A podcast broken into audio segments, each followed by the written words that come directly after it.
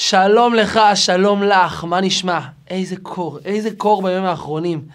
הכל פריזין, קפוא. אנטארקטיקה, קטן עלינו. כאן בארץ מתחילים להרגיש את הקור האמיתי. ואני רוצה לדבר על הקור האמיתי באמת. על הקור שחודר אלינו פנימה. הקור שנמצא בפנים והורס כל חלקה טובה. אני רוצה לדבר היום על הקרירות. קרירות שאולי נצליח לזהות בעצמנו בכל מיני מצבים, ונגלה שהקרירות הזו זה הדבר הגרוע ביותר שיש לנו בחיים, בחיים באופן כללי, ובפרט בחיים שלנו כיהודים. מה זה הקור הזה? על מה אני מדבר? עם ישראל יוצא ממצרים אחרי שנים ארוכות של שיעבוד, עבדים, מסכנים, סובלים, יוצאים סוף סוף מעבדות לחירות, משיעבוד לגאולה, אור גדול, שמחה אדירה, ניסים גלויים מול העיניים. עמוד אש, עמוד ענן מלווים אותם, הקדוש ברוך הוא מתגלה אליהם במשהו שלא היה כדוגמתו. הים נחצה, עם ישראל עוברים בתוך הים ביבשה, ניסים אדירים. הם ראו את הקדוש ברוך הוא בעיניים. מה שכל אחד מאיתנו חולם, היה שם במציאות. גם הילדים הקטנים, גם הילדות הקטנות, אפילו האנשים שהתלוו אליהם, העוזרות, השפחות, גם הן ראו את הקדוש ברוך הוא בכבודו ובעצמו. גילוי אלוקות. העולם עומד בהלם. הניסים מכים בשוק את מצרים, וכתוצאה מכך גם את כל העולם. כל העולם שומע על מה שקרה לעם הנבחר, שצועד בבטחה אל עבר הר סיני לקבל את התורה. אבל אז יש מישהו אחד שמצנן את ההתלהבות. כשכולם מדברים על העם הפלאי, שזוכה לניסים, ולא כדאי להתעסק איתו, ולא כדאי להתחיל איתו, וכולם מכבדים ורק רוצים לעזור, ובואו לפה ובואו לשם ונעזור לכם. מגיע עמלק ומצנן את האווירה. ועמלק אומר, אני עכשיו הולך להילחם בעם ישראל. וכאן מקבלים עם ישראל מצווה מיוחדת במינה, מצווה שהיא תמידית והיא צריכה להיות לזיכרון תמיד אצל כל אחד ואחת מעם ישראל. זכור את אשר עשה לך עמלק. בדרך בצאתכם ממצרים, אשר קרחה בדרך, ויזנב בך כל הנחשלים אחריך, ואתה עייף ויגע, ולא ירא אלוקים. התורה מצווה לזכור היטב את מה שעשה עליך עמלק. תמחה את זכר עמלק. מתחת השמיים לא תשכח. לא נשכח ולא נסלח לעמלק על מה שהוא עשה. ואם יש מישהו מזרע עמלק, יש מצווה למחות אותו, למחוק אותו, לדורי דורות. היום לא יודעים מי זה עמלק. המצווה הזו לא יישומית היום, אבל זו מצווה. תורת החסידות שופכת אור על המשמעות של עמלק ושל הזיכרון של אותו עמלק. עמלק זה אותו אחד שמצנן את ההתלהבות. כשכל האומות, כל העולם, קורע ברך, משתחווה, מכיר בגדולה והפלא של העם הנפלא. כשכל העולם רואה את הניסים שעשה הקדוש ברוך הוא לעם ישראל, מגיע עמלק ואומר, מספיק עם השטויות. תפסיקו להתלהב. שטויות, בואו נילחם בהם, הם כלום. זה לא באמת, זה פוקס, זה קרה, זה לא נס. המדרש מתאר את מה שעשה עמלק לאמבטיה רותחת. שכולם עומדים מסביב האמבטיה ואף אחד לא מעז להיכנס. אבל אז מגיע הגבר הראשון והוא מכניס את העקב שלו. הוא מצנן את האמבטיה, הוא מצנן את הפחד של כולם, ואז כולם נכנסים אחריו פנימה. זה מה שעשה עמלק.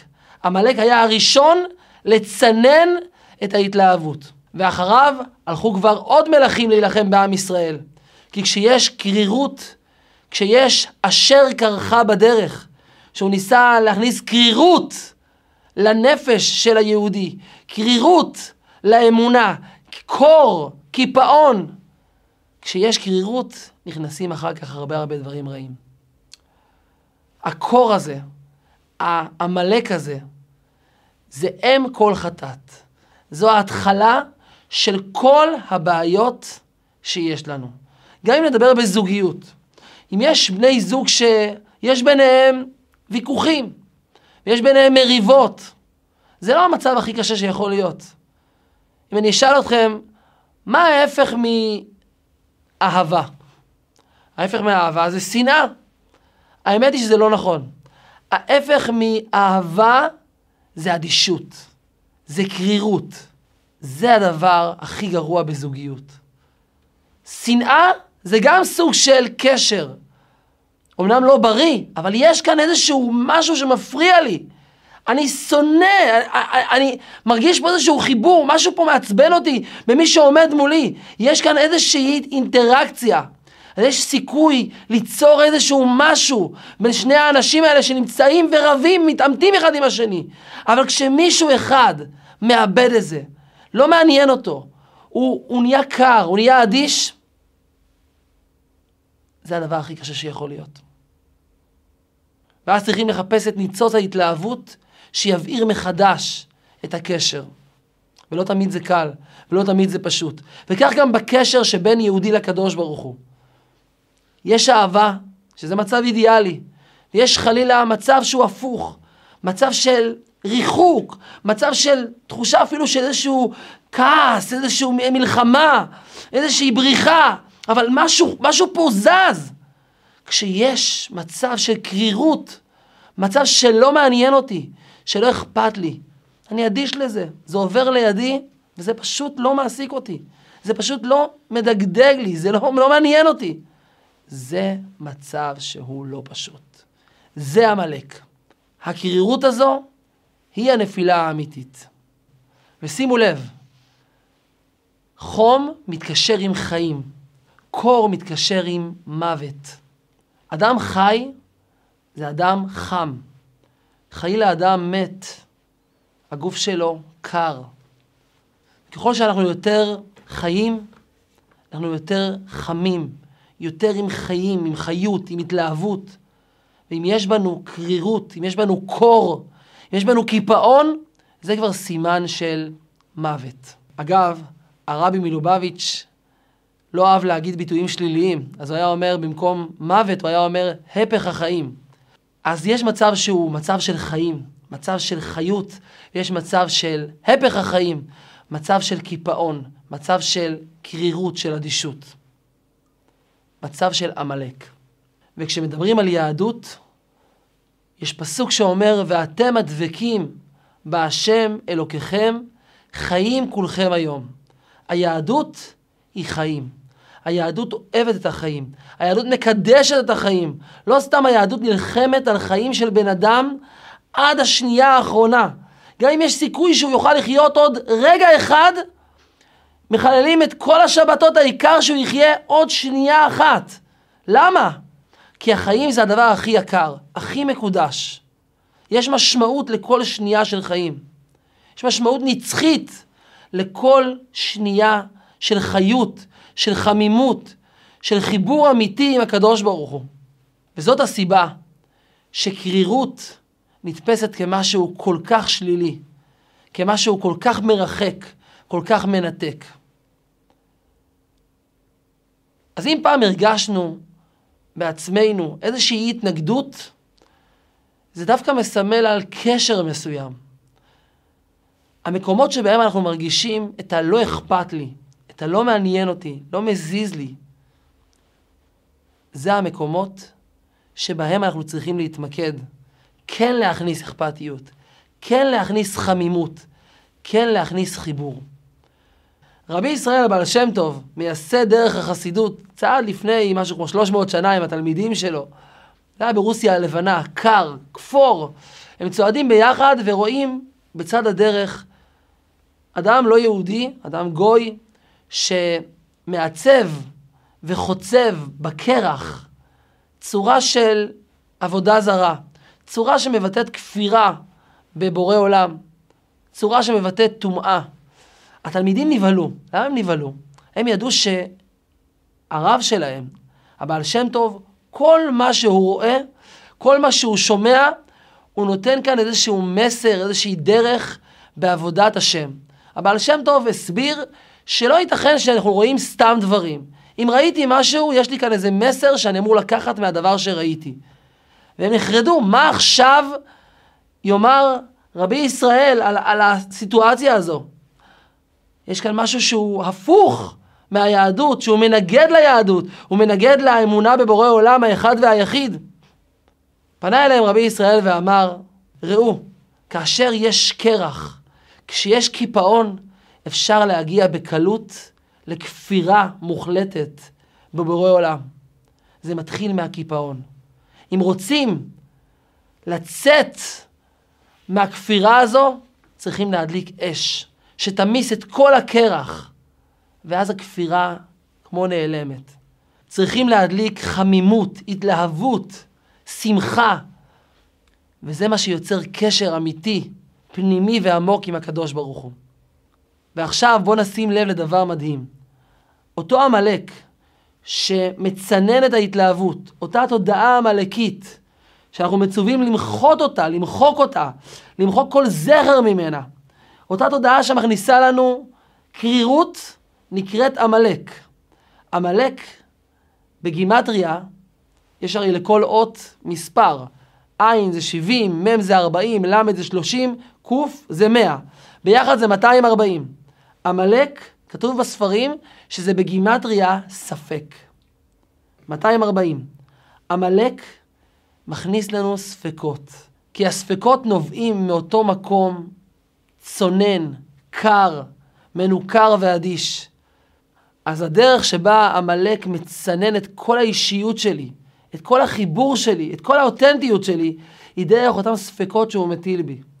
מה, מי אמר? אולי, אולי, אולי זה לא ככה, אולי זה לא האישה שלי, אולי זה לא המקום שאני צריך להיות בו, אולי זה לא נס מה שקרה לי. לתת לעצמי להיות אותנטי, להיות מה שהנשמה שלי באמת מרגישה. את זה עמלק לא נותן. ויהודי צריך לדעת שאת עמלק הוא מוחק. שאין מקום לספקות האלה. שאין מקום לקרירות הזו. כל דבר שנודף ממנו קור, קיפאון, מוות, זה לא אמת. זה לא המקום. אני לא רוצה להיות שם. אני רוצה להתחבר למקום שהוא חי, שהוא חם, שהוא עם חיות, עם התלהבות, עם אמת פנימית. אחד מגדולי ישראל המפורסמים, שחיו לפני כמה מאות שנים, קראו לו רבי יונתן לייבישיץ. רבי יונתן היה מפורסם בחוכמה האדירה שלו, פיקחות מדהימה, הוא היה עם פיקחות ועם שנינות, ויש סיפורים אדירים על האישיות הכובשת שלו. וכמו תמיד, חכם יהודי מוצלח, יש לו הרבה מתנגדים. היו כמה שרים בממשלה שידעו שהמלך מאוד מחבב אותו, והם עשו הכל כדי לגרום שהאדם הזה פשוט יהיה כאין ואפס. עשו לו כל מיני ניסיונות וניסויים, והעמידו אותו בכל מיני אתגרים מול המלך כדי להראות שהוא אדם לא חכם ולא מוצלח, והוא תמיד יצא מזה גדול. פעם אחת הם שמו אותו באיזושהי כיתה, מקום של לימוד של תלמידים, והם אמרו לו, יש כאן ילד אחד שהוא לא ילד יהודי, ילד גוי ששתלנו כאן בתוך הכיתה. בוא נראה אם אתה מצליח לזהות מי הילד, היהוד... מי הילד הלא יהודי כאן. רבי יונתן הסתכל רגע ואמר, אתה לא יהודי, בוא. אמרו לו, איך הצלחת? איך הצלחת? מה היה האסון? חייך רבי יונתן ואמר, מאוד פשוט. הכיתה כולה התפללה. זה היה זמן של תפילה. כל הילדים יושבים, ספרים פתוחים. אותו ילד נראה חיצונית, ילד ככל הילדים. היה לו כיפה ופאות קטנות כאלה, פאות ליד האוזניים, כמו שנוהגים ילדים דתיים. וגם הוא יושב ליד הספר. אבל הוא אומר, כולם התנדנדו תוך כדי התפילה. כולם נעו תוך כדי התפילה. ראיתי שם איזושהי חיות, איזושהי תנועת חיים. אבל אצל הילד הזה זיהיתי שהוא לא זע ולא נד. הוא אומר את המילים, אבל משהו שם לא מחובר. הבנתי מיד שזה הילד שהוא לא טבעי כאן. בואו נזהה אצל עצמנו, מהם המקומות שבהם אנחנו מרגישים את הקיפאון הזה. את המקום הזה שהוא סתם, באמת סתם נכנס לחיים שלנו, סתם כדי לייצר אצל עצמנו ספקות, לייצר אצל עצמנו אדישות. כשנזהה את המקומות האלה, כשנהיה מודעים אליהם, יהיה לנו הרבה יותר קל גם לחמם אותם, לעבוד איתם, לגרום לעצמנו באמת להסיר את אותו עמלק מהמקומות שהוא מופיע, ואז נרגיש את החמימות מתפשטת בתוך כל ההוויה שלנו, בתוך כל האישיות שלנו. היא תקרין גם למשפחה, גם לבן הזוג, גם לילדים, גם לחברים, בכל מעגלי החיים. הכל יהפוך להיות אותנטי יותר, חם יותר, נעים יותר, אמוני יותר, שמח יותר.